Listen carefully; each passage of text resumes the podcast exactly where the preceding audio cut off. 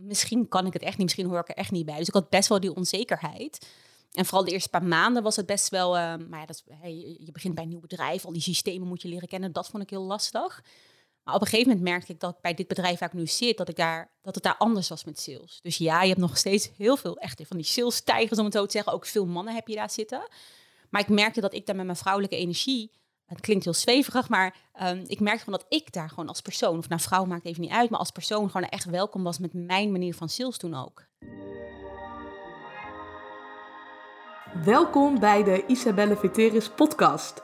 De podcast voor mensen die al heel veel weten over persoonlijke ontwikkeling, maar even power nodig hebben om in actie te komen. Ik ben psycholoog en in de topsport een van de sterkste vrouwen ter wereld geworden. En samen met experts leer ik je binnen een uur hoe je stopt met uitstellen en met een topsportmentaliteit in actie komt.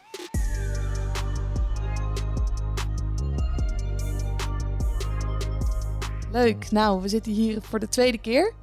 Eerste keer voor jouw podcast en nu voor mijn podcast. En voor de mensen die jou nog niet kennen, zou je het kort iets meer over jezelf willen vertellen? Ja, natuurlijk. Um, mijn naam is Alice, uh, Alice van der Zalm, of beter bekend als Open Up uh, With Alice. Ben in mijn dagelijks leven werk ik uh, in de sales als teamlead bij een, grote, bij een groot techbedrijf in Amsterdam. En mijn grote passie is, is podcasten. Dus dat is ook waarom ik jou de eerste keer had geïnterviewd natuurlijk. Ja, we gaan vandaag veel hebben over sales. Naar deze podcast luisteren veel ondernemers of mensen die willen gaan ondernemen. Maar ook al heb je geen droom om ondernemer te worden, dan is sales ook heel belangrijk. Stel dat je bijvoorbeeld van baan wil veranderen, dan moet je ook jezelf verkopen. Of als je aan het daten bent, is ook een manier om jezelf te verkopen. Ik maak vaak de vertaling naar het daten als het gaat om sales. Dus misschien dat we daar vandaag ook wat uh, onderwerpen over gaan bespreken. Leuk. Jij werkt in de sales. Was dat uit jouw droom om in de sales te gaan werken? Nee, zeker weten niet. ik heb nog nooit aan mijn leven als klein meisje gedacht, nou later ga ik in de sales uh, werken. Nee, ik wil altijd psycholoog worden vroeger. Ja. En waarom? Ik wil mensen helpen. Ja. ja. en toen dacht ik, nou, als je mensen, mensen wil helpen, dan moet je dus psycholoog of dokter of iets worden. Dus uh, ik heb ook gestudeerd om uh, psycholoog te worden, afgestudeerd als, als toegepast psycholoog. Ja, en toen? Ja, nou, tijdens mijn studie werkte ik dus al in, in de sales voor een, een, een, tussenpartij die mij plaatste bij de mediamarkt voor Samsung-producten. En ik merkte eigenlijk al op mijn eerste dag daar dat ik heel goed in was. Ik kreeg ook complimenten toen, uh, ook van de mediamarkt, en of ik daar een dienst wou. En uh, nou, ik zeg je eerlijk, dat deed me best wel goed, want ik was nog best wel jong toen. En toen op een gegeven moment dacht ik, ja, maar al één, ik vind het leuk. Twee, ik ben er super goed in. Misschien moet ik hier iets mee. Waarom was je daar zo goed in, denk je? Omdat ik luisterde naar de mensen. Ik stond daar niet voor het geld. Nou ja, ook, want ik moest mijn huur betalen. Maar ik stond er echt gewoon. Ik, ik genoot. Ik genoot van de dag. Ik genoot van het spel ook, om, om, om met mensen in contact te komen. Um, ik weet nog dat een andere jongen stond, die werkte dan voor Apple en ik voor Samsung. En hadden we onderling die, die, leuke, die leuke strijd. Van ja. even kijken wie het meest kan verkopen. En ik leerde daar echt het salesspel kennen. Ja, en ik vond dat denk ik heel erg leuk. Dus ik dacht altijd, sales is mensen belazeren en iets moeten verkopen wat ze niet willen. En ik kwam er eigenlijk achter dat sales is naar mensen luisteren, dat ze zich gehoord voelen en dan het product voor ze uitkiezen wat echt bij ze past. En dan ben je mensen ook aan het helpen, hè? Maar, maar precies dat. En dat is echt hoe ik het ervaar. En als je dan ook, je moet wel bij een bepaald soort bedrijf werken, denk ik, om sales te kunnen uitvoeren, dat je mensen helpt. Maar als dat er is, dan is eigenlijk mijn kern, wat voor mij heel erg belangrijk is, mensen helpen. Ja. Ja. En toen je bij de mediamarkt werkte, van wie leerde je de sales? Hoe je dat moest doen? Ehm, ja, nou, het bedrijf waar ik toen in dienst was, was een tussenpartij. Daar hadden we vaak één producttrainingen, hè, dus over de tablet of over de tv. Nou, eigenlijk over alle producten waarvoor ik daar moest staan. En daarnaast hadden we ook via het bedrijf al sales trainingen hebben, hebben we gehad. Maar ik moet je eerlijk zeggen dat ik het meest leerde door gewoon hetzelfde te gaan doen. En op een gegeven moment ook wel echt soort van mijn psychologie toe te passen. Dus hè, mensen willen zich gehoord voelen. Ja, dat leerde ik niet per se in mijn sales training. En dat leer je ook niet bij het alles weten van de producten, toch? Nee, nee. Wat voor screen erin zit en hoe lang de batterij meegaat. Nee, en ik moet je zeggen dat als ik verkocht op wat het product nou echt was, dat, dat ik meestal niet verkocht. Want ik snapte niet wat, uh, wat er nou precies in een tablet zat of de processor. Nou, ik, ik snap het nog steeds niet. Dat kan je nog steeds niet uitleggen. Maar ik verkocht mega veel. Puur omdat ik niet op het product zat, maar op de behoeften van, van de persoon die voor me stond. Ja. Ja, want als je zit op die feitjes, dan breng je mensen alleen maar in hun hoofd, in hun rationele brein. En mensen maken keuzes op basis van hun emotionele brein. Ja. Of ze wel of geen connectie met jou voelen, of ze zich geholpen voelen, gehoord. Ja, en dat vond ik altijd heel erg leuk. Dus ik, ik, ik wist ook of, of iemand jarig was in de familie, of dat het een cadeautje was, of hoezo kocht ze dan drie tablets. Of, en als ze dan de tablets kochten, dan had ze ook een leuk hoesje erbij nodig. En juist door de connectie op dat moment met die klant, het was gewoon alsof wij met de tweede aan die winkel stonden. Dat is hoe ik het in ieder geval ervaarde. En die klant wou dan ook meteen alles bij mij erbij kopen. En ik denk ook omdat ze het mij dan wel gunden, omdat, omdat ze ook die connectie ervaarden. Ja, en ook omdat je echt met ze meedenkt. Dus mensen zijn vaak bang dat als je nog een upsell doet, zoals dat in de salestermen heet, Ja. dat je dan mensen iets door de strot wilt duwen. Terwijl mensen vinden dat fantastisch. Ik werkte vroeger in de horeca en dan konden mensen een nagerecht krijgen. En bij het nagerecht was de optie om dan drie van die hele kleine glaasjes dessertwijn te nemen. En ik kon het super goed erbij verkopen, omdat ik dat ook echt heel lekker vond en een hele leuke beleving. Dus dan zei ik, nou weet je wat je erbij moet nemen? Eigenlijk, hè, zie je die glaasjes daar op de bar staan. Nou, die ga ik voor je vullen met hele lekkere Ja. dessertwijn. Ook in een goede volgorde, dat dat vo- volledig past bij het gerecht. Nou ja, willen jullie dat doen? Nou, die kostte 13,50 per stuk. Was nog Ja. duurder dan het hele nagerecht. en ik verkocht die echt als warme broodjes. Maar ik verdiende daar niet extra geld door. Maar ik geloofde Ja. daarin. Ik, ik ook. Ik, vind, ik had geen commissiebasis daar, Nee. dus ik verdiende er niks aan. Maar ik was oprecht, en ik zie het ook aan jouw gezicht als je erover praat, ik was enthousiast. Ik deed echt oprecht gewoon ja, vanuit mijn hart, om het zo te zeggen. Ja, en je wil Ja. mensen een beleving geven. Net als met zo'n tablet. Je wil dat ze met het beste product naar huis gaan. Dat het helemaal compleet is. Niet dat ze thuiskomen en dat ding laten vallen. En dat hij in scherven ligt. Ja. En je weet dat je dat had kunnen voorkomen als ze een hoesje erbij hadden gekocht. Ja, ja, zeker, klopt. Ja. Je werkte toen bij de Mediamarkt. Hoe lang heb je daar toen gewerkt? Ehm, ja, ik heb het tijdens mijn stu- studententijd heb ik het een aantal jaar gedaan, op en af. Dus soms echt maanden achter elkaar, echt elk weekend en ook in de avonden. En soms weer even wat rustig, omdat ik, ik was ook danseres. Dus op een gegeven moment had ik ook nog een andere bijbaan. Maar echt wel een paar jaar heb ik eh, ja, veel, vooral veel in de mediamarkt gestaan, ja. Ja. En daarna andere banen in de sales gehad? Ja, ik was toen op een gegeven moment afgestudeerd. En ik weet niet meer precies hoe, maar volgens mij zag ik een advertentie ehm, voor, voor een salesbaan. En daar had ik toen op gesolliciteerd. Ehm, ik was daar langs gegaan en ik was eigenlijk ook eh, ja, direct aan, eh, aangenomen. Had ik niet meteen verwacht. Ik dacht, oké, met, meteen bij de eerste sollicitatie aangenomen. En dat was echt wel een diehard salesbedrijf waar ik toen eh, was begonnen, ja. Wat verkocht je toen?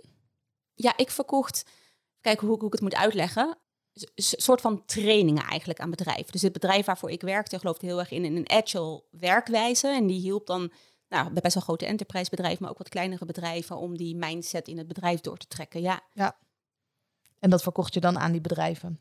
ja, ja aan bedrijven, maar ook aan, aan, aan, losse deelnemers als zij, als zij een cursus zouden volgen. Want ze hadden, ze hadden ook cursussen gewoon die je dan bij het bedrijf zelf kon aanschaffen. Ja. Ja, en je zei het was een diehard salesbedrijf. Ja. Wat maakte dat? nou, allereerst qua de KPI's die je dan kreeg. Dus het was echt gewoon eh, 50 belletjes per dag turven. Dus zoveel mogelijk binnenhalen. Dat was ook eh, op commissiebasis voor mij de eerste keer om op commissiebasis te werken. Eh, maar ook de collega's. Hè, want als ik, ik heb het vaak over echt van die salesstijgers. Er waren echt wel van die, eh, vooral veel jongens. Dat merk je trouwens vaak in de sales, veel mannen. Hoe komt dat, denk je? Ik denk omdat sales wordt geassocieerd, of verkeerd wordt geassocieerd. Ja, dan denk ik ook Ehm, met prestatie, hard zijn, Ja, echt die mannelijke energie. Je moet elke keer knallen, constant knallen. Want. Wat het is met een target, hè, en, en vooral eh, vaak zie je dat een target of heb je een jaar, eh, een jaartarget of een maandtarget. En elke keer wordt je target weer, hè, dan heb je het gehaald of niet gehaald. En dan begin je weer vanaf nul moet je weer opnieuw. Dus elke keer moet je in de knalmodus soort van staan. En dat zie je bij heel veel salesbedrijven. Dus het hè, trekt mannen aan, nou, dan kun je ook nog eens heel veel geld verdienen. Hoort ook niet echt bij een vrouw, hè, officieel. Dus trekt- competitie. ja, ook. Ja, en dat was vooral bij dat bedrijf, hè, want voor mijn gevoel werkte daar heel veel salesstijgers. Want dat was echt wel eh de interne competitie die je inderdaad merkte. Ja. Ja. En je zegt, ik werkte toen ook met targets. Ik moest 50 mensen bellen per dag. Ja. Als je daar nu zo op terugkijkt, hoe denk je daar nu over? Misschien ik, toen ehm, ook al. Ik ben daar heel blij dat ik daar heb gewerkt. Ik heb daar echt geleerd wat doorzetten is. En eh, hè, als jij 50 keer moet bellen en je wordt 30 keer afgewezen, maar je gaat door en elke dag weer, ja, je leert er gewoon mee omgaan. En je weet gewoon van, eh, je moet net zo lang doorgaan tot je een jaar krijgt. Ehm, sta ik achter de sales skills die ik daar allemaal heb geleerd? Nee, nu niet meer. Maar ik ben wel blij dat ik ze allemaal heb geleerd. Ja, je moet het eerst leren om het daarna weer te kunnen ontleren. ja en erachter te zeker. komen van, er Ja. is een andere manier om dat te doen. Ja, ja, zeker. En ik weet nog dat ik daar werkte en eh, dat op een gegeven moment mij, tegen mijn opmerking werd gemaakt dat ik niet in de sales zou passen. Omdat ik eh, had in een hele groep met vooral mannen, had ik gezegd, ja, ik doe dit niet voor het geld. En dat was zo raar. dat, dat kon niet. En toen zeiden ze ook, ja, dat ik echt niet in de sales zou blijven, dat het niet bij mij, dat het niet bij mij paste. En ik geloofde dat toen ook, omdat ik dacht van, ja, ja, als ik dan niet hetzelfde ben als zij zijn, dan is dit misschien ook niet iets voor mij. Hoe waren je resultaten toen? Goed. Grappig. Ja, nee, ik had hele goede resultaten. En ik weet nog, mijn eerste sales trainer, daar had een sales trainer, uh, Kees. Ehm, die gaf mij heel vaak als voorbeeld aan de jongens. Omdat ik lachend, gewoon echt met, met een big, big smile eigenlijk achter de telefoon zat. Omdat ik zo genoot van het contact met de klant. Terwijl sommige jongens waren, ik weet nog dat ik een collega had, die, die durfde de telefoon niet op te pakken. Uh, bij het bedrijf waar ik werkte, kwamen best wel veel, veel nieuwe mensen. Die bleven dan x aantal maanden en gingen dan weer weg. Dus het was een beetje zo'n salesbedrijf. Um, en ik werd vaak als voorbeeld daarvoor gebruikt. En dat is ook echt hoe ik het heb ervaren. Ik genoot, ik genoot om, de, om de, de telefoon op te pakken en dan te kijken hoe ik dan die persoon aan de lijn kon krijgen. En hoe ik die persoon dan ook echt kon leren kennen. Dus ja, ik vond sales ook daar weer, ik vond het leuk. Ja, en je had daarin een topsportmentaliteit in plaats van een winnaarsmentaliteit. Bij een winnaarsmentaliteit dan moet je winnen. En alleen het winnen is goed genoeg. En dan stuur je veel te veel op het resultaat in plaats van op het proces. Ja. Mensen denken vaak een winnaarsmentaliteit, dat is iets goeds. Daardoor ga je winnen, maar daardoor ga je juist verliezen. Terwijl bij een topsportmentaliteit ben je bereid om te verliezen. En dan geniet je van het proces. Je wil een leuk gesprek met een klant. En of die ja of nee zegt, maakt eigenlijk niet zo heel erg veel uit. En dat is wat maakt dat de kans zo groot mogelijk is dat ze ja zeggen. En ik vind de topsportmentaliteit best wel leuk klinken. Want ik ben geen topsporter, maar... Uh... Ja, maar niet elke topsporter heeft een topsportmentaliteit. En je hebt, hoeft ook geen topsporter te zijn daarvoor. Ja. Maar, ja. Nee, maar dat is hoe ik het heb ervaren. Ik kon heel erg genieten van de reis. Alleen ik merkte daar wel omdat het zo'n mannelijke energie was. Het was zo'n salescultuur die niet bij mij paste. Dat ik wel, ik heb daar mijn eerste burn-out ook gekregen. En dat is wel wat. Ze wilden zich ook niet aanpassen aan jou, als ik dat zo hoor. Nee, zeker niet. Daar is, daar is het bedrijf ook gewoon echt niet voor gemaakt. En dat is ook waarom ik uiteindelijk dacht van ja, misschien moet ik uit de sales stappen. Ik ben ook een jaar uit de sales gestapt, omdat ik dacht ja, het past inderdaad niet bij mij. Want één, ik doe het niet voor het geld. Twee, ik krijg een burn-out. Dus misschien hebben ze wel gelijk. Ja, hoe ben je dan toch weer terug in de sales beland? Ja, nou, ik ben een jaar dus uit de sales gegaan, ben in de recruitment gegaan. Toch nog wel Ook sales. Ja, ja, stiekem wel sales, maar wel de soft, soft skills om het zo te uh, soft sales om het zo te zeggen. Maar ik merkte al gauw dat ik toch wel extra projecten ging oppakken om daar ook sales te doen. Maar ik kreeg er niet voor betaald. Dus ergens wou ik toch wel geld zien. En toen kwam ik er wel achter voor mezelf dat ik dacht van ja, maar als ik toch weer naar die sales ga, maar ik word daar echt niet voor betaald misschien moet ik dan toch weer terug naar de sales, maar bij een bedrijf waar ik wel pas. Ja. Die heb je nu gevonden? Ja, ik werkte al uh, bijna vier jaar nu. Ja, ja super. Ja. Hoe was het voor jou om daar dan weer te beginnen met sales? Niet helemaal beginnen. Maar... Ja, nou, heel spannend, omdat ik natuurlijk ook een burn-out had gehad en dat heel erg associeerde met sales doen. Dat ik dacht van ja, misschien kan ik het echt niet, misschien hoor ik er echt niet bij. Dus ik had best wel die onzekerheid. En vooral de eerste paar maanden was het best wel, uh, maar ja, dat, hey, je begint bij een nieuw bedrijf, al die systemen moet je leren kennen. Dat vond ik heel lastig. Maar op een gegeven moment merkte ik dat bij dit bedrijf waar ik nu zit, dat, ik daar, dat het daar anders was met sales. Dus ja, je hebt nog steeds heel veel echt van die sales-tijgers, om het zo te zeggen. Ook veel mannen heb je daar zitten. Maar ik merkte dat ik daar met mijn vrouwelijke energie, het klinkt heel zweverig, maar um, ik merkte gewoon dat ik daar gewoon als persoon, of nou vrouw maakt even niet uit, maar als persoon gewoon echt welkom was met mijn manier van sales doen ook. Ja. Ja, waar merkte je dat aan?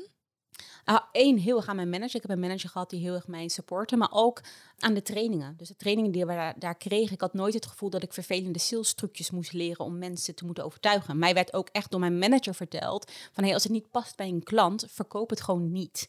Haal gewoon desnoods een keer je kwartaal niet, want het gaat om lange termijn. En elke keer als ik dat hoorde, dat, daar ging ik zo van aan, omdat ik daar ook in geloof. Van ik heb liever een klant die nu nee zegt, maar misschien over vier maanden terugkomt en dan voor drie jaar lang ja zegt tegen mij, dan nu even snel een target halen, geld binnenhalen en die klant is ontevreden. Ja, en dat zie ik ook bij veel ondernemers. Die willen nu geld verdienen. Die hebben nu bedacht dat ze, weet ik veel, 10k per maand is zo'n getal wat elke ondernemer ja. Eh, wil verdienen. Ja, En dan maar heel hard gaan jagen erop. En misschien lukt het een keer. Maar daarna niet. En dan stort je bedrijf bij wijze van spreken in. Want het is niet gebouwd op een stevig fundament. Want je bent niet bezig met mensen helpen. Nee, klopt. En ik geloof echt met alle sales trucjes die ik ken, weet ik zeker dat ik hem echt mijn, echt mijn target dik zou kunnen halen. Ik wil dubbel kunnen scoren, veel geld kunnen pakken. Maar ja, dan hè, komt mijn drijfveer. Mijn drijfveer is geen geld. Ik vind het wel heel belangrijk. Ik wil ook gewoon betaald worden. Maar mijn drijfveer is echt oprecht de persoon die ik spreek helpen. En ervoor zorgen dat die persoon blij is. Ik, ik wil ook heel blij van mijn bonus op de bank. Maar het moment dat ik een mail krijg van een klant of een berichtje van jeetje, we hebben eindelijk een contactpersoon gevonden die echt, mee, echt meekijkt. Ja, ik, ik heb dan echt een glimlach. Ik denk, dit is precies waarom ik dit, eigenlijk dit vak doe. Ja, ja en het geld is meer een bonus. Het is een bonus, dus je krijgt wat je verdient. Ja, dus omdat je zo mens, zoveel mensen hebt geholpen en zo goed hebt geholpen, krijg je wat je verdient. Ja, ja, en het is ook een bedrijf. Ik sta achter het product, ik sta achter de dienst. En dat is voor mij ook heel erg belangrijk. Hè? Want je kan overal sales doen. Maar ik zou nooit bij een bedrijf kunnen werken waar je ja, echt keiharde acquisitie moet doen en mensen iets door de strot moet duwen. En ook van een product waar je niet in gelooft. Nee, nee, nee, ik zou dat niet kunnen. Dat past niet bij mij. Daar, daar heb ik te veel dat ik echt mensen... Ja, ik wil mensen gewoon echt helpen. Dat is echt, denk ik, mijn, mijn drijfveer. Ja. Ja, dat heb ik ook bij mijn eigen bedrijf. Ik heb al vanaf dag één gezegd tegen mezelf ook, ik ben heel goed in sales. Dat helpt Mm. ook. Het ook van de beste geleerd. Ik heb het van Ilke de Boer hemzelf geleerd Mm, ja. in coaching met hem. Maar ook omdat ik dus dat soort trucjes niet meer toepas, dat het nog beter werkt. En dat je altijd Ja. mensen blij maakt, of ze nou klant worden of niet. Ja. Want dan maak je fans en die praten weer over jou. En zo dragen ze weer nieuwe klanten aan. Ja, ik heb dat echt gemerkt. Ik weet nog een keer met een klant die ik binnenkreeg vanuit een ander team. En ze konden niet zoveel uit die klant halen. Nou, oké, dus ik kwam bij mij en die klant gaf eigenlijk aan... ja, we willen 1500 euro doen voor dit kwartaal. En ik wist gewoon van 1500 euro dat ze niet blij zouden zijn. Ik dacht wel, oké, 1500 euro, hè, eh, dat gaat wel naar mijn target toe. Maar ik wist gewoon, ze zouden niet het resultaat halen. Ik heb zoveel gesprekken met die klant gehad en ik heb toen een nee verkocht. En die klant vond dat echt niet tof. Maar uiteindelijk is die klant een van mijn grootste klanten toen geworden daarna. En dat vind ik dus heel gaaf, omdat je dan echt met die persoon meedenkt. En ik geloof juist in een nee verkopen, wel een oprechte nee. Hè? Maar als jij een oprechte nee verkoopt, dan gelooft een klant jou ook sneller als jij zegt dat hij het wel moet doen. Ja, ik heb laatst een dag gehad waarop ik twee van mijn klanten sprak. Eén heb ik bewust geen aanbod gedaan om een traject met mij te verlengen. Want ik ben er in het traject achter gekomen dat zij niet mijn ideale klant is. En eentje die echt mijn ideale klant is. En dat heb ik ook naar haar uitgesproken. En een aanbod gedaan om voor een half jaar te verlengen. Ja. En omdat ik integer ben, zegt ze ja. Ja. Maar dat had ze waarschijnlijk niet gedaan als ik tegen iedereen zeg... en jij bent mijn ideale klant. Ja. En jij bent mijn ideale Dat- klant. en jij bent... dat- nee. Ja, maar mensen voelen dat. Die voelen dat. En ik vind het ook heel mooi dat jij, want het is eigenlijk je kwetsbaar opstellen om tegen die klant te zeggen, je bent mijn ideale klant. Maar ik geloof dus ook heel erg in die kwetsbaarheid met klanten. Ik doe het zelf ook. Als ik, ik heb best ook wel technische gesprekken met klanten. En ik ben alles behalve technisch, kan ik vertellen. Ik heb heel veel geleerd, dus ik, ik weet wel heel veel. Maar als ik merk dat ik vastloop, en dan zit ik met, met, met de CEO, als zit ik nou, met de recruiter, de HR-manager, het maakt me niet uit. Maar ik geef het aan als ik het niet weet. Ik geef aan dat ik het ga uitzoeken, dat ik erbij op terugkom. En ik, ik heb nog nooit gehad dat iemand zei, ja, bij jou wil ik dan niet meer kopen, want jij weet het niet. Nee. Nee, je bent heel eerlijk in wat je wel Ja. weet en wat je niet weet. Dus waar je goed in bent en waar je niet goed in bent. Ja, ja. Ik had vandaag ook een intake met een klant en die vroeg aan mij... ja, ga je dan ook trainingsschema's voor me maken? Ik zou het wel kunnen, maar ik Mhm. zeg heel eerlijk, nee, dat doe ik niet. Mhm. Want ik ben mindset coach. Ja. Dus ik ga geen salespagina's voor je schrijven, maar ik ga ook geen trainingsschema's Ja. voor je maken voor je fysieke gezondheid. Ik ga ook niet met je partner in relatietherapie om dat te mediaten. Ik denk dat ik het allemaal zou kunnen, maar. Je moet dat niet willen. Ja. Ik denk dat je één ding moet kiezen en daar heel goed in moet zijn. En van de rest ook mag zeggen of ik weet het niet of ik Ja. doe het niet. Of... En, en daar inderdaad anderen bij laten, bij laten aanhaken. Ik denk dat het alleen maar ook heel fijn is voor de klant. Dat er gewoon een ec- echte eh, expert zit. In plaats van ik het probeer. Ja. Een mooie uitspraak van Jos Burgers. Die zei als je een allrounder bent, in de Mm. topsport beland je dan op de reservebank. Want Mm. mensen willen een topscorer, een topkeeper, een topverdediger. Niet iemand die overal wel zou kunnen staan. Ja. En heel veel mensen in de sales of in het ondernemerschap, die proberen wel die allrounder te zijn. Nee, je moet echt, echt je specialiteit kiezen. Echt waar, jij gelukkig van wordt. En daar gewoon zo goed mogelijk in worden. Ja. Ja. Je zei als ik zou willen, dan zou ik al die sales trucjes kunnen toepassen. Ja. En dan zou ik hele hoge targets naar me toe kunnen trekken of Ja. kunnen behalen. Ik wil wel even ingaan op van die trucjes die je overal ziet, die wel Ja. werken, maar niet Ja. voor duurzaam resultaat zorgen. Zou je er drie kunnen noemen? Ja, één, eh, op angst inspelen. Dus dan, dan bedoel ik ermee, hè, echt aangeven, als je dit niet doet, dan, eh, dan gaat je bedrijf niet goed lopen. Dus als je nu instapt, dan ga ik jou helpen. Ja, ik geloof niet, als iemand in angst bij jou instapt, denk ik niet dat dat jouw ideale klant is. Ik weet ook niet of het een heel geslaagd traject gaat worden. Twee, ja, dit is een trucje die bij mijn bedrijf heel goed zou kunnen werken. Want wij werken niet echt met contracten bij het bedrijf waar ik werk. En ik adviseer klanten echt, ik even kijken hoe ik dit heel makkelijk kan zeggen hoor, maar ik adviseer klanten echt op een, op een traject wat ze bij ons kopen. Ik zou letterlijk kunnen zeggen, joh, dit gaat echt werken als je nu instapt. En dan weet ik zeker dat 80% van de klanten instappen, omdat het gewoon wat ik verkoop heel erg gewild is. Maar ik weet ook dat ik nooit een belofte kan maken bij wat ik verkoop. Dus eerste is eh, valse schaarste, tweede is valse beloftes. ja, Toch? ja, en daar moet je, en dat, dat zie ik trouwens ook best wel vaak. Maar als je bij mij instapt, dan- omzet dan- gaat verdubbelen. Ja, of toch, en en, dan kom je van 20 je kilo burn-out af. En dan denk ik, je kan dat niet beloven, want je hebt die andere persoon nodig om het waar te maken. Dus daar moet je heel erg eh, voor oppassen. En de derde, en daar heb ik gewoon persoonlijk echt een hekel aan, is de vraag stellen. Als je dit nu niet zou doen, hoe, hoe, hoe zou je dan over een jaar erop terugkijken? Ja, ik, ik heb gewoon zo'n hekel aan die vraag. Want we weten allemaal, hè, als we een intake bij iemand boeken, weten allemaal waarom dat we iets anders willen. Die vraag is, ja, ik, ik heb er gewoon persoonlijk gewoon een hekel aan. Maar dat is, gewoon mijn- is mijn allergievraag, om eerlijk te zijn. Ja, wat triggert het bij jou? Ik vind het gewoon zo'n standaard salesvraag dat ik denk, heb je nu een script naast je liggen Ja, waarop dus je dat hè, afleest? dat Want heb je geleerd, die zin? En ook omdat ik die zin letterlijk bij, nou ja, heel veel mensen die ik spreek, hoor ik die zin. Bij heel veel ondernemers hoor ik dat. Dan heb ik het over coaches. Ja, maar die kopen volgens mij ook allemaal scripts van andere ondernemers. Die verkopen dan, hè, dit is mijn Ja. script waarmee ik zoveel geld heb verdiend. Hier is het. Dat betekent niet dat jij er ook zoveel het- geld mee gaat verdienen. Het, het, wer- het werkt niet. Dus misschien is het derde wel een sales script. En het is interessant dat ik had later een intake met echt een hele leuke dame voor een traject. En ik had haar een paar jaar geleden had ik haar ook al gesproken. Ik weet dat zij zich mij niet meer herinnert. Dat is helemaal oké. Maar toen zij die vraag aan het afvuren was op mij, toen dacht ik, dit heb jij vier jaar geleden ook al bij mij gedaan. Want ik herkende gewoon vragen. En ik zit in de sales, dus ik let altijd op. Als ik in een gesprek zit, ik zie direct of iemand een sales trucje inzet of een script heeft. En toen dacht ik, jij hebt een script naast je liggen. Ja, dan ben je me kwijt. ja, Dan denk ik, mis je de verbinding, hè? ja, want jij ziet mij dan niet meer. Sales in mijn ogen is luisteren. Is vooral heel veel luisteren. Wat je heel veel ziet bij, bij, bij salestijgers. Die willen ook heel veel praten en heel veel laten zien. Nee, nee, nee je moet luisteren. Je moet je hebt twee oren en één mond. Gebruik ze naar verhouding. Ja, werkt heel goed. Ja, en dat is ook de reden dat ik mijn podcasten zo min mogelijk voorbereid. Ik denk dat sales veel verder gaat dan alleen maar verkopen voor je bedrijf of voor iemand anders. Maar het zit in alle kleine dingen die je doet. Dus ook in zo'n podcast dat ik echt de ander wil zien en wil horen. Maar ook ruimte wil geven aan wat de ander wil vertellen. In plaats van dat ik hier een heel vragenlijstje heb en eh, zeg van joh, eh, leuk wat je daar vertelt. Maar we moeten even We door. deze want lijst afmaken. ik heb deze Ja. vragen nog allemaal klaarstaan. Ja, maar sales is breder dan dat. Hè. Dus ook eh, als je op, op Instagram zit of op LinkedIn of op welk platform dan ook, ben je alleen maar aan het vertellen over hoe goed jij bent? Of ben je iets aan het delen waar iemand echt iets aan heeft? En ben je ook aan het luisteren naar de mensen die, die jou volgen? Ja. Ja. En ook wat vertel je over jezelf? Ben je Ja. alleen maar je, je shit aan het delen? Ja. Of ben je een boodschap aan het delen en heb je verteld dat je eruit bent gekomen en hoe je eruit bent gekomen en kun je dus mensen inspireren? Ja, maar dat is echt die waarde leveren. En dat is Ja. echt belangrijk. En dat is ook denk ik, ik denk soms dat misschien mensen bang zijn om te veel waarde te leveren. Hè? Want als je al heel veel deelt, hoeven mensen niet meer bij je in te stappen. Ik had dat laat. Ik heb een, eh, een, een cursus gelanceerd hoe je een podcast kan maken. En ik had toen ook een, een aantal afleveringen op de podcast opgenomen over podcast maken. En toen zei een dame dat ze al die afleveringen had geluisterd en dat ze daardoor een podcast kon maken. Ja, dan kan ik balen, want ze stapt niet in. Of ik denk, wow, als zij dit uit mijn gratis content haalt, hoe geweldig is dat? ik kan dan Ja. alleen maar heel blij zijn. En eh, één, ik krijg onwijs veel zelfvertrouwen. Want als ik dat ook kan leveren gratis, laat staan wat ik betaald kan leveren. Ja, en ik denk dat sommige ondernemers denken dat informatie de gouden sleutel is, maar dat is het niet. Mensen willen niet meer betalen voor informatie. Dat is Mhm. gratis te vinden overal. Mhm.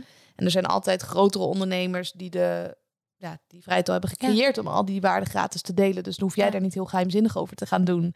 Ik denk dat we vooral willen betalen voor implementatie en delegatie. Dus implementatie Ja. dat iemand jou helpt om die podcast op te starten. Of delegatie dat je bijvoorbeeld een ruimte huurt waar je die podcast kan opnemen. Ja. Je kan niet te veel informatie meer delen vandaag de dag, denk ik. Gratis. En, en, en ook een, een stuk connectie. Ja. Ik denk dat dat heel erg belangrijk is. En dat is ook weer, als je het hebt over verkopen, vind ik ook eh, eigenlijk personal branding. Hè? Dat is hoe je jezelf verkoopt. Ehm, want wat ik net zei, ik heb een podcastcursus ontwikkeld. Ja, heel erg leuk, maar wie ben ik? Terwijl er zijn, er zijn andere cursussen van, van, van mensen die al jaren deze cursus eigenlijk draaien. Waarom kopen mensen dan toch bij mij en niet bij die andere persoon? Ik vind dat, dat is echt personal branding en dat is jezelf verkopen. ja. En waarom kopen ze dan denk je bij jou? Uh, wat ik heel erg heb gemerkt is dat veel vrouwen kopen bij mij, vrouwen met een verhaal. En ik deel zelf, hè, op Open op het LS deel ik heel veel over mijn heftige, mijn gewelddadige verleden. Um, dat is ook wel hoe ik mijn podcastcursus neerzet. Dus ik, ik, ik zit heel erg op praten is krachtig, uh, praten is helend, praten is verbindend. Dus bij mij zal je denk ik ook minder mensen zien die denken, oh ik wil een, uh, ik wil een podcast neerzetten waar ik veel geld ga verdienen, want dat is niet hoe ik mijn podcastcursus verkoop. Ik verkoop het om te verbinden met andere mensen. En dat zijn ook de mensen die ik weer aantrek. En dat, en, en, en dat vind ik, ik, ik, ik ben daar juist heel erg blij mee, omdat dat ook de mensen zijn die bij mij passen. Dus ik wil ook bepaalde mensen afstoten, want die gaan mij niet gelukkig maken met de soort vragen die ze mij gaan stellen. Nee. Ja. Nee, wat ik ook leuk vind om te zien bij jou, dat veel mensen denken dat als je een product gaat lanceren, dat je de perfecte pagina moet maken en dat je nou ja, dat allemaal op orde moet hebben. Dat is je voorkant. Maar als je achterkant niet klopt, dan ga je ook geen sales draaien. Nee. Dus eh, ze- we kennen allebei Celine Charlotte, daar heb je ook Ja. de cursus gevolgd. Ze heeft anderhalf miljoen volgens mij in de vorige cursus gedraaid. Ja. Als ik een lancering zou inzetten op precies dezelfde manier als zij, ik zou waarschijnlijk geen euro omzetten. Ja. Want het klopt niet. Nee. En ik denk dat dat ook het belangrijke is met sales. En ook waarom mensen bij jou kopen. Omdat die achterkant ook klopt. Het is gebouwd op een stevig fundament. Je weet waar je voor staat. Je weet wat je onderscheidende het moet, het vermogen moet is. authentiek zijn. En wat ik heel erg merkte, want Uh, voor mij, hè, ik, ik werk fulltime in loondienst. Dus ik ben nu eigenlijk pas sinds kort ondernemer. En ik weet met mijn eerste lancering, die net dus is geweest, dat ik in eerste instantie had, ik had één kaartje verkocht. Nou, dat kaartje was aan, uh, aan mijn VA, had dat gekocht. Dus volle vertrouwen had ze in mij. Daar was ik super trots op. En op een gegeven moment kwamen de kaartjes niet binnen. En ik was zo druk in mijn hoofd van, oké, ik moet iets delen, want ze moeten bij me kopen. Ze moeten mijn waarde zien. En op een gegeven moment, toen zat ik met mijn buddy en toen zei ik, weet je wat? Ik hoef niks meer te verkopen. Ik mag trots zijn als alles staat, als alle techniek staat. En dat ik die cursus gewoon heb gedraaid, desnoods met één deelnemer. Ik, dan is het geslaagd. En toen ik soort van de druk losliet dat ik moest verkopen, kon ik opeens soort van delen. Gewoon, ik ging, ik ging letterlijk eigenlijk documenteren. Gewoon wat ik aan het doen was, wat er in de cursus was. Ik ging heel veel tips alvast delen. En toen, toen letterlijk, toen, nou, het stroomde over. Nou, het stroomde over. Toen, toen, toen waren er heel veel verkopen. En dat vond ik heel interessant om te zien. Dus ik geloof ook heel erg dat het een stuk mindset is. Of je heel erg vanuit drukken, vanuit ja. moeten moet verkopen. Of juist vanuit ja, meer, meer vanuit die zachtheid en, en, veel meer mag verkopen vanuit vertrouwen eigenlijk. Ja, en dat had het ook over toen ik bij jou was, dat je zei van ik heb soms ook wel een beetje te doen met bepaalde ondernemers. Want ik mhm. snap wel dat je je rekening moet betalen en ik snap ook dat je je zelfgestelde targets wil halen, mhm. maar het werkt zo tegen je. Ja. Ik sprak daar toevallig afgelopen week over op een event met een andere ondernemer die zei ja Is, jij hebt de luxe om te kiezen. Ik zei oh vertel. Hij zei ja ik zag op je website dat je tot en met december helemaal vol zit en dat klopt ook. Hij zei ja maar je hebt al financieel zoveel vrijheid voor jezelf gecreëerd dat je selectief kan zijn. Ik zei nee, het is andersom. Je moet eerst selectief zijn en dan creëer je die vrijheid voor jezelf. En dat is zo moeilijk, denk ik, ook voor sommige ondernemers. Dat je denkt, oh, ik, ik wil zo graag het geld verdienen. Ik heb het zo hard nodig.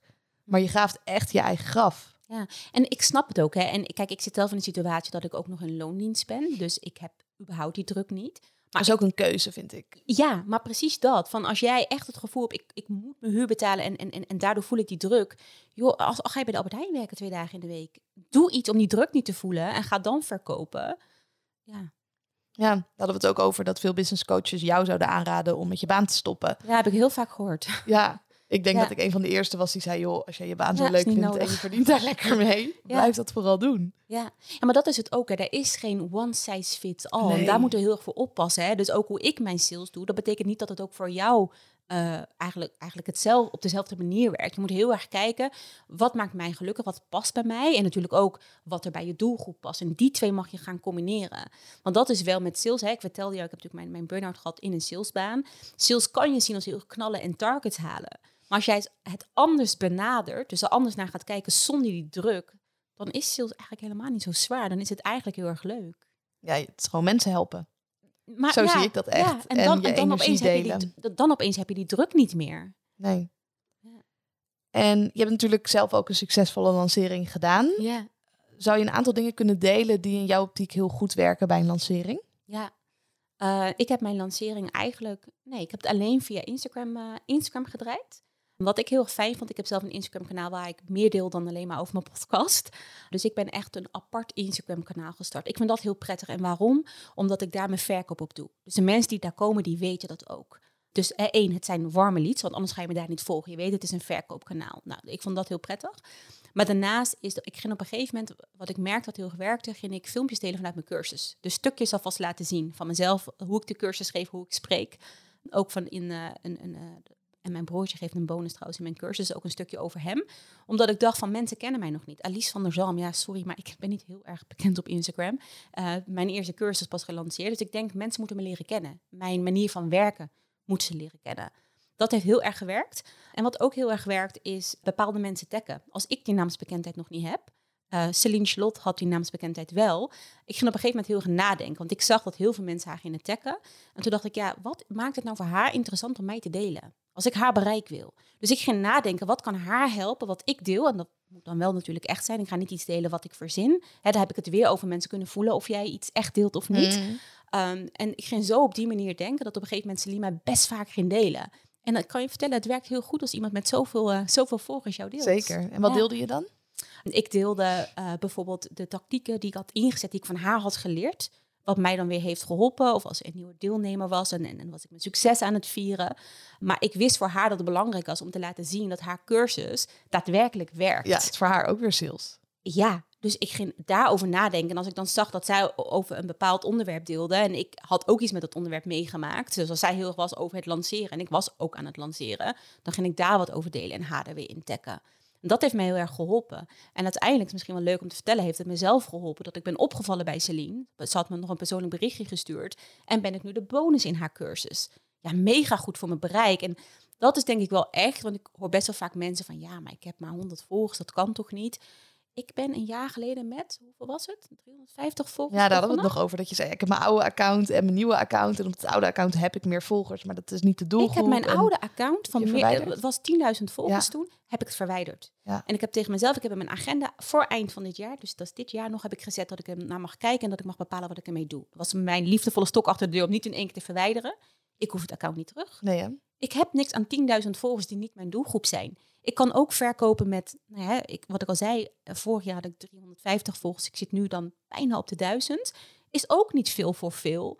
Maar duizend mensen die echt jou volgen om wat jij doet, is heel veel. Dat is echt heel veel. Ik ben nu ook volgers aan het verwijderen. Ja. Omdat dat nog volgers zijn van mijn powerlift tijd. Of het zijn inactieve kanalen. Ja, die hoef ik niet. En dat is alleen maar slecht voor mijn algoritme. Dus Ja. het is niet dat je er niks aan hebt. Het brengt je alleen maar verder weg van je doel. Ja, en ook een ego-ding, hè? Dat Ja. was het voor mij. Ik dacht, 10.000 volgers, dan kom ik wel goed voor de dag. En dan, dan denken mensen dat ik, het, hè, dat, dat ik goed ben in wat ik doe. Het is onzin. Mensen denken dat niet. Het is wat je deelt in je stories.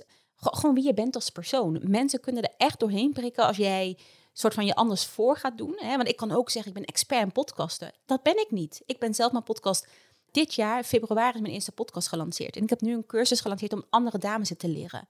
Ik vertel niet dat ik ze alle, alle technieken ga leren of met, nou ja, hier zie ik heel mooi apparatuur staan. Ik weet geen eens hoe het werkt. Dat leer ik ze ook niet. Nee. Ik leer ze podcasten in pyjama. Gewoon heel makkelijk. Hoe kan je een podcast opzetten met gewoon eigenlijk eh, weinig of tot geen apparatuur? Gewoon lekker om te beginnen. Beginners zijn ook mijn doelgroep. En ik denk dat je daar heel eerlijk in mag zijn. Van, ik zeg ook in mijn cursus, zeg ik, je hoeft maar één stap verder te zijn dan de doelgroep die naar jou luistert. Of die iets van jou moet kopen. Dat is het e- e- enige wat je hoeft te zijn. En Ja, daar eerlijk over te zijn. expert te zijn. Of allerbeste in je vakgebied om anderen te kunnen helpen. Ik had toevallig vandaag een gesprek met een coach. En die zei, ja, in mijn omgeving krijg ik weerstand omdat ik geen opleiding heb gedaan. Mm. Hè, hoe moet ik daarmee omgaan? En ze was dan geneigd om zichzelf te gaan verdedigen. Maar ik zei ook tegen haar, je hoeft maar één stapje verder te zijn om anderen te kunnen helpen in dat hele proces. Ik denk dat er psychologen zijn die afgestudeerd zijn, summa cum laude, maar mensen minder goed kunnen helpen omdat ze dat proces niet zelf hebben doorlopen. Ja, en, en ik denk ook gewoon trots op zijn. Trots op zijn wie je bent, er, er vol voor staan en het juist als je branding gebruiken. Ja, 100 procent. Ja, Ja. Wat werkt er nog meer goed in de lancering? rust nemen. En het klinkt misschien heel cliché, maar in het begin was ik best wel aan het knallen en ik merkte dat het me nou, niet opbrak, maar dat ik wel op een gegeven moment voelde van, hé, hey, als ik alleen maar zo doorga, dan is het voor mij niet meer leuk. En lanceren mag vooral heel erg leuk zijn. Dus ja, tuurlijk, en je hebt een bepaalde lanceerperiode. Ik geloof heel erg in een soort stukje pre-launch, nou ja, ge- echt je lanceerperiode. En dan geloof ik ook nog een stukje after launch of after sales, om het zo te zeggen.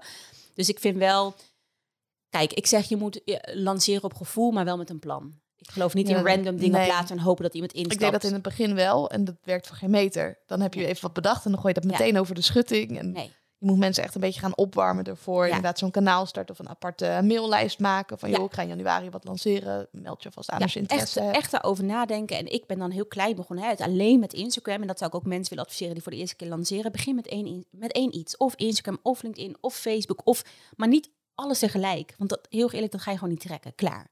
Eh terwijl als je op één ding focust, dan kan je veel meer... Nou, je hoeft ook geen perfectie, maar dan, dan, is het, dan is het vol te houden.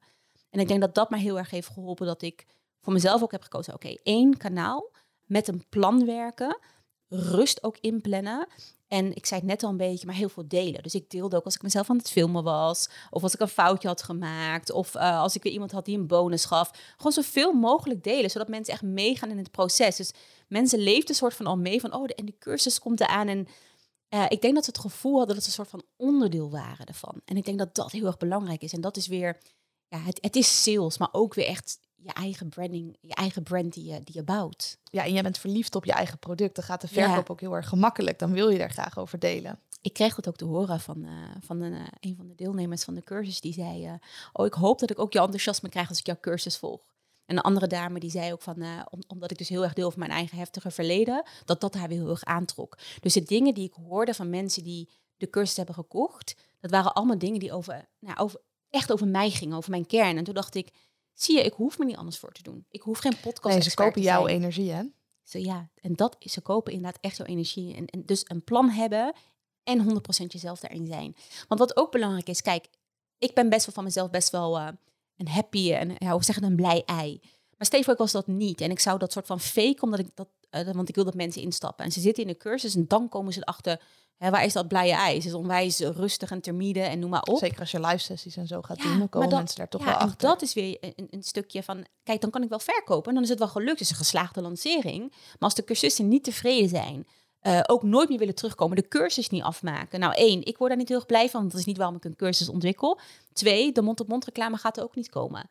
Dus dat is ook, je moet ook nadenken, ja, je moet over je sales nadenken, maar ook kan ik waarmaken met wat ik nu laat zien aan de buitenwereld. En dat is waarom je zo erg jezelf moet zijn in de sales. Nou, en trek ik mijn ideale klanten aan, want ik kan me ook voorstellen dat al zou jij lager in je energie zitten en dat ga je 100% ownen, dat je ook weer mensen aantrekt die daarbij passen. Ja. Mijn denksnelheid is redelijk hoog en daarom spreek ik ook sneller en dan haak ik ook aan bij mensen die snel spreken. Maar er zijn ook mensen die veel trager spreken en die krijgen ook klanten. En daar zijn, is ongetwijfeld ook weer een andere doelgroep voor. Ja. Ja, maar precies dat. En daar is ook echt niks mis mee. Ik heb wel in het begin van mijn, van mijn podcastcarrière kreeg ik de opmerking dat ik te snel spreek. Oh ja. En toen ging ik erover nadenken, moet ik dan langzamer praten? Dacht nee, nee, toen, nee. Nee, maar toen dacht ik, joh, rot op, dan luister je niet naar mijn podcast. Ik wil mensen die... Speel je die, vertraagd af? Ik Ja, speel altijd ook. dingen versneld af. Ja, ik, ik ook. Ja. Ook al praten mensen snel, dan gaat hij nog een keer twee bij mij. Maar ik vind dat, ik ben ook zo. Dus, en dat is ook echt wat ik geloof. Weet je, op elk potje past een dekseltje. Maar je moet er wel voor zorgen dat jij jouw doelgroep aantrekt. Want niet alleen voor hun, maar ook voor mezelf, voor mijn energie. Als ik in een Zoom-sessie zit met mensen die totaal tegenovergestelde zijn, ja, daar word ik ook niet heel erg gelukkig van. Nee, en ik denk dat jij het beste tot je recht komt op het moment dat je met je ideale klanten werkt. Ja. En daarom is het ook zo belangrijk om nee te zeggen. Want ik weet wel dat ik mensen zou kunnen helpen die niet mijn ideale klant zijn. Maar ik ga dan ook twijfelen aan mezelf in zo'n traject. Van ja, is dit wel waardevol Mhm. genoeg voor je? Ook al zijn ze helemaal fan. En daardoor kan ik niet mijn maximale waarde leveren. Ja, dus precies. daarom is het ook belangrijk in de sales om nee te zeggen tegen mensen. Want Ja. dan lever jij je aller, allerbeste werk. En dan krijg je de leukste klanten. En dan gaat het allemaal stromen. Ja. Maar je moet jezelf er wel voldoende tijd voor geven. Het moet niet nu of gisteren of morgen. Mhm. Ja, maar dan heb je het weer over die ruimte inderdaad. En niet dat forceren. Niet bij jezelf en niet bij je klant. En wat ik denk ook heel erg belangrijk is van sales is... Ik heb het toch even over vrouwen, maar dat wij vrouwen er echt van af moeten dat, dat sales niet, niet hoort of niet netjes is. Of nou ja, ik, alles wat je over sales hoort, van oh ja, ik ben geen salesstijger, ik, ik, ik kan geen sales. Iedereen kan sales. Echt waar. Maar het is dat woord sales waar mensen heel erg allergisch voor zijn. En daar moeten we vanaf. Ja. Ja, ik vergelijk daarom sales met daten. Op een eerste date, dan ga je elkaar beter leren kennen. En dan Ja. kijk je vanuit daar verder of je nog een date gaat inplannen. Wat veel mensen in de sales doen, is dat ze op zo'n eerste date al bij wijze van spreken vragen of die ander wil trouwen, hoeveel Ja. kinderen die wil, wanneer ze een huis gaan kopen, hoe groot dat huis dan moet zijn. afknapper. Red flag, da- dan ren je weg. En toch in de sales doen ze het wel. Ja, ja. ja, of dat, of wat ik ook heel veel zie bij vrouwen, is dat ze dan een, echt oprecht een geweldig product hebben. Maar dat ze het dan één keer delen en dan zeggen, ja, het wordt niet gekocht. Mensen hebben er geen interesse in. Je moet jezelf wel laten zien. Ja. ja. Of überhaupt geen aanbod durven doen. Heb je Ja. een gesprek gehad, super waardevol gesprek, maar er komt geen aanbod. Nee. Dat vergelijk ik altijd bij het zitten in de horeca. Ik was laatst bij een uh, horecatent en ik had een kopje koffie gehad. En ik wilde graag lunchen daar. Er kwam niemand aan mijn tafel. Mm. Nou, ik de lunchkaart gevraagd, nou, die kreeg ik. Duurde het weer heel lang voordat ze mijn eh, bestelling kwamen opnemen. Dus je doet mensen ook geen plezier Ja. door ze te laten wachten en geen aanbod te doen. Nee. Nee, helemaal niet in een salesgesprek. Ik bedoel, we weten allemaal waarom we daar zitten, toch? Je moet wel duidelijk zijn dat het een salesgesprek is, maar we weten allemaal waarom we daar zitten. En wat ik ook merk, en merk ik heel goed op mijn werk met de mensen die ik daar, eh, of met mijn collega's die ik daar coach, is eh mindset over het bedrag. Dus als jij het gesprek in gaat en je wil een x bedrag vragen en je denkt, oh, dat is eigenlijk best wel duur, dan is het ook duur voor je klant. Terwijl als jij, ik, ik, ik, ik zeg wel eens prijzen, eh, vier keer zoveel als wat mijn collega's dan duur zouden vinden. Met vol zelfvertrouwen, Ja. omdat ik het ook uit heb gezocht dat dit voor de klant gaat werken. Oordeelloos. Ja, en ik vertel het gewoon. En de klant die knipt niet met de ogen, ik knip niet met mijn ogen. Maar als ik al in het gesprek ga, oh jee, het is wel duur, misschien kan hij niet betalen. Misschien... Het is eh 10.000 euro. ja, ja, krijg je ja, bijna het is terug. wel 10.000 euro. Is, dat- is, is, is dat oké? Of, of, of korting? Maar dat is wel echt heel waardevol. Ja. Ja. Nee, maar dat, dat, dat werkt niet. En dat Nee. merk ik ook wel. Want wat ik al zei, ik, ik, ik ben gek op sales. Dus ik heb zelf als ik gesprekken voer met ondernemers, dan kijk ik altijd hoe ze sales doen. En ook wat Leuk, jij zegt, merk ik ook wel, is dat ik dan... eh, ik had laatst wel een gesprek met een vrouw. En die zei dan ook, ja, maar dan breng ik ook lunch mee. En dan... eh, en toen dacht ik, dus omdat jij nu lunch meeneemt, is je bedrag in één keer goedgekeurd. Het gaat niet om die lunch. Het gaat niet om hoeveel sessies ik met jou krijg. Het gaat om uiteindelijk de transformatie die ik bij jou ga maken. Ja. Je verkoopt die oplossing. Ja. Ja. als ik hoofdpijn heb Ja. en ik ga naar de dokter toe en die geeft me een pilletje mee, dan moet het voor mij een oplossing Ja. zijn die de volledige lading dekt. Ja. En leuk dat er dan een extra pilletje in zit, maar die hoef ik niet als één pilletje voldoende zou Ja. zijn. Of dat het in een paars doosje zit. Ja, I Maakt- don't care. Maakt jou toch niet uit? Het maakt je ook toch niet precies uit wat er allemaal in dat pilletje zit? Nee. Ik, ik kijk nooit op de ik ingrediëntenlijst. weten misschien. hoeveel ik erin moet nemen. Ja. En eh, op welke momenten. En of dat met eten werken. moet. En dan moet het werken. Ja. Ja. ja, maar, maar dat is dus ook gewoon eigenlijk gewoon sales doen. Ja, en ik denk dat veel ondernemers of te lage prijzen vragen. Ja. En dan gaan ze ook te weinig waarde leveren, want dan worden ze laks. Of ze vragen te hoge prijzen en dan willen ze het waarmaken door inderdaad een lunch erbij te doen of nog meer moeite te doen. En dan gaan ze overcompenseren. En dat ziet er ook heel gek uit. Ja, ja klopt. Ja, en, te lage prijzen hoor ik ook heel vaak. En ik zie wat ik heel vaak merk is angst van ja, is het dan wel goed genoeg? Ehm, en ook wat jij zegt, of ze gaan er te weinig voor doen. Maar wat ik ook zie is dat ze daar alsnog te veel voor gaan doen, maar dat ze dan zelf uitgeblust zijn. Ja. En jij wil volgens mij geen coach hebben die zelf uitgeblust is in het traject. Dus je mag iets vragen wat echt op waarde is. En dat is ook weer, ja, ik ben van mezelf heel erg gestructureerd, maar dat weet je. Ehm, ook weer een plan. Dus weet voor jezelf, oké, ehm, eh, wat kost een traject? Hè? Eh, hoeveel uur zit je met iemand? Dat mag je allemaal doorberekend hebben. Ik zeg niet dat jij je prijs moet bepalen op hoeveel uur jij. Nee, maar eh, je gewoon een hebt zitten. inschatting maken. Als jij bijvoorbeeld Ja. weet, hè, ik, ik ben 30 uur kwijt met een traject. Ik ben 80 euro per uur waard. Nou, dan moet ik minstens 2400 euro voor vragen. Ja, ja, bijvoorbeeld. Want uiteindelijk wil je sowieso dat al je kosten worden gedekt. En je moet natuurlijk ook nog winst maken. Want hallo, Dat je- komt er nog bij. Ja, eh, ook logisch toch? Maar als jij puur, dat hoor ik best wel vaak, ja, maar het voelt goed. Denk ik, oké, maar op wat baseer je Ja. dat het goed voelt? Want waarschijnlijk baseer je dat op je onzekerheid. Dat is niet echt gevoel. Ja, Dus- vanuit angst. Het voelt voor mij ook beter om in bed te blijven als de wekker gaat. Maar ja, Ja. toch doe ik dat niet. Ja, en daarom, en ik ben altijd fan van allebei. Dus ik ben fan vanuit een structuur te werken. Dus echt te kijken, op papier te zetten van wat heb je nou echt nodig, wat ben je nu echt waard. En daarna mag je gaan voelen hoe het voor je voelt. En als daar dan nog angst onder zit, kunnen we ook nog naar die angst gaan kijken desnoods. En dan mag je nog een keer gaan voelen. En dan, en dan weet ik 100% zeker dat er een ander bedrag uitkomt dan wat de meeste ondernemers zeggen.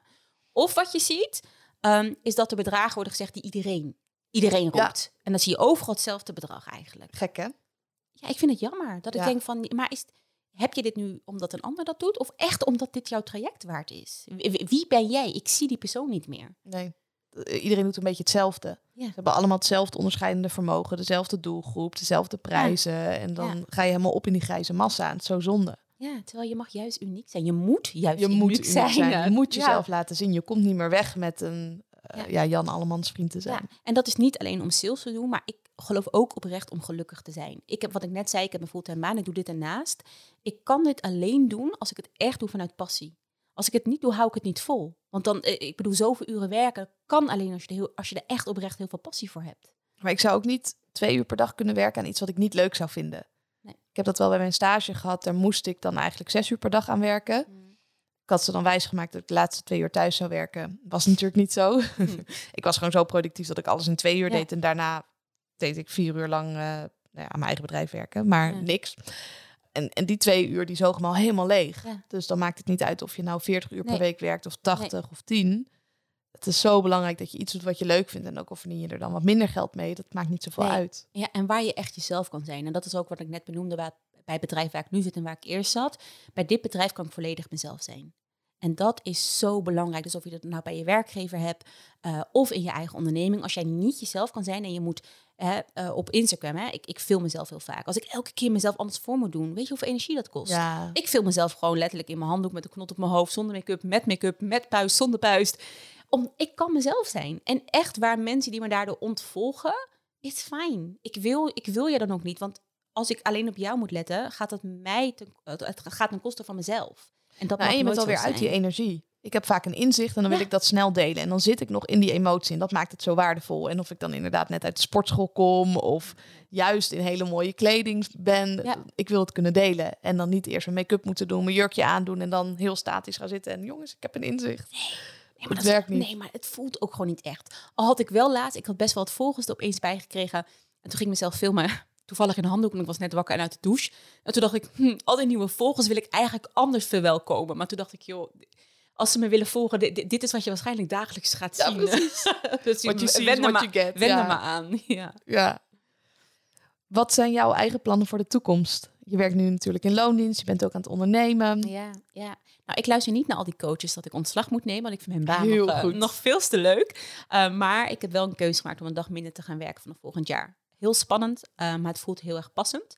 nou ja, allereerst blijf ik lekker in de sales werken. Eh, ik werk zelf in de sales, maar ik ondersteun ook mijn manager. Ik ben assistent manager, dus ik ondersteun echt mijn collega's om hun sales te doen.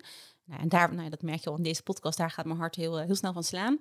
Maar daarnaast van mijn eigen bedrijf zijn er best wel wat projectjes. Dus enerzijds mijn podcastcursus, die staat, die blijft lekker doorlopen. Anderzijds ben ik een sales traject aan het opzetten. Het kan natuurlijk niet anders. Ik moet iets met sales doen. Ja, ik denk dat je daar ook heel goed in bent. Ja, en echt, ik, ik richt me specifiek. Ik werk op, in mijn werk zelf heel veel met mannen. Maar voor mijn eigen bedrijf wil ik echt met vrouwen werken. Omdat ik bij vrouwen die onzekerheid merk achter sales. En daar wil ik graag aan werken met ze. En, en dat heb ik jou natuurlijk ook verteld. Maar ik heb een uh, pand gekocht die ik uh, die woensdag uh, over... Het, vandaag is maandag. over twee dagen wordt opgeleverd.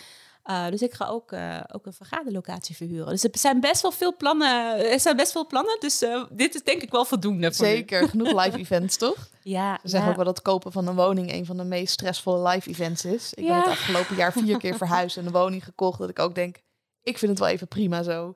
Ja. Mijn vriend die stuurde vandaag nog een berichtje. Moet ik nog even kijken voor nieuwe woningen voor ons? Ik zei, nee, alsjeblieft niet. Even niet. Even Ja. niet. Ja, maar dat is ook weer, hè, dan kom je ook weer, ter- ook weer terug op een stukje rust. Het is goed om doelen te hebben en, en, en af te strepen en lekker te knallen. Maar weet ook wanneer je gewoon eventjes... Even Landen, het is goed genoeg. Ja, precies. Goed is goed genoeg. Ja, Ja. mooi. Ook in sales denk ik dat op een gegeven moment heb ik bij mijn eigen bedrijf ook dat ik denk, ik heb genoeg omzet gedraaid. Ja. En dan kan ik een online programma gaan lanceren voor nog meer. Maar ik geloof er niet in. Kan mensen Ja. niet echt mee helpen. En dan zou ik het puur voor het geld doen. En dat voelt voor mij dan niet meer goed. Dan vind ik het geen leuk spel meer. Ja. Ik vind het leuk om geld te verdienen, mits ik mensen er echt mee help. Ja. Ik heb vroeger in de sales gewerkt in kranten verkopen. Ik was daar heel erg goed in. Ik paste alle trucjes toe, schaarste. Mijn vrouwelijke charmes gooide ik in de straat. ja, dat heb ik ook heel vaak gebruikt. ik was het beste in het verkopen in de zomer. had ik gewoon een hemdje aan. Ja, ja, ja. Maar het voelde zo niet goed. Want ik wist dat mensen niet van zo'n abonnement af konden komen. Dat ze het eigenlijk ook helemaal niet wilden. Dat ze gratis online alles konden lezen. Na een maand of drie ben ik gestopt. Want toen had ik mijn lessen er wel geleerd. Want je leert er ook veel van. Je leert omgaan met nee. Je leert wel die nare sales trucjes om Mhm. vervolgens je eigen theorie erop te baseren. Maar ook wel lol te krijgen in het verkopen. Ja. Ik verdiende daar ook lekker en dat vond ik fijn. Maar toen wel de keuze gemaakt om weer in de horeca te werken. Ook al zou ik daar minder verdienen, maar omdat ik daar wel meer plezier in had. Ja. Het zou oprecht ook mijn advies zijn aan jongeren dat als je een bijbaan zoekt, ga in de sales. Echt Ja, waar. ik vind ook dat Ja. jongeren, ze moeten verplicht in de sales hebben gewerkt. Ja. Maar ik denk ook in de horeca, dan leer je echt wat hard werken is. Ja, ja. Ja, ik heb allerlei soorten baantjes daarom gehad. Dat ik dacht, ik wil zoveel mogelijk leren. Want ik ging toen wel naar de middelbare school. Ik zat op een gymnasium. Nou, dan leer je alleen maar met je hoofd, niet Mhm. praktisch. Dus ik had ook de overtuiging, dat klopte denk ik ook, dat ik niet zo heel veel kon. Thuis had ik ouders die mij het ook wel gemakkelijk maakten. We hadden Mhm. een schoonmaakster, een tuinman, alles. Ja. Dus ik wilde het heel graag zelf leren. Dus ik heb in een kledingwinkel gewerkt, in de horeca, in de sales. Ja. Ik heb ook vrijwilligerswerk gedaan. Ik heb met kinderen gewerkt, eh, zowel oppassen als echt eh, met kinderen met stoornissen. En ik heb er zoveel van geleerd en daar ben ik zo dankbaar voor. Dat als je dan gaat ondernemen of iets anders gaat doen, heb je al een hele rugzak aan ervaring. Ja, he- heel erg herkenbaar. Ik heb een beetje hetzelfde, hetzelfde traject erva- eh, gehad. Maar je leert daar heel veel skills door. En dat geeft je ook heel veel zelfverzekerdheid, denk ik. Ja. Stel dat mensen tegen sales aanlopen, je zou ze één tip mogen meegeven. Wat zou je ze dan mee willen geven? Eén tip. Laat het woord sales los. Ga gewoon jezelf laten zien. En dan echt waar, dan, dat is eigenlijk al sales. Ja. Ik heb al mijn vragen gesteld. We hebben een prachtige podcast gemaakt. Dus eh, we gaan hem lekker afsluiten. Dankjewel eh voor dit interview. Ja, dankjewel. Dankjewel weer voor het luisteren naar deze podcast. Als je me zou willen helpen door dit te delen op social media, door een review te plaatsen van 5 sterren, door een reactie te geven, dan zou ik dat echt super fijn vinden en dan ben ik je daar enorm dankbaar voor. Als je deze podcast luistert, dan betekent het waarschijnlijk ook dat je bezig bent met je persoonlijke ontwikkeling. Dat je al heel erg veel misschien erover weet, maar dat het je niet lukt om in actie te komen. Dat is ook precies de reden dat ik een boek daarover heb geschreven. Het heet Stoppen met uitstellen, hoe je met een topsportmentaliteit in actie komt. Ik zal sowieso even een link in de show notes plaatsen, maar je kan het bestellen voor minder dan twee tientjes via mijn website isabelleveteris.com slash boek. Of je kan hem gewoon bestellen via bol.com. Superleuk eh, als je dat doet. En dan eh, ga ik een persoonlijk kaartje voor je erbij doen en dan krijg je hem op je deurmat. Tot de volgende aflevering.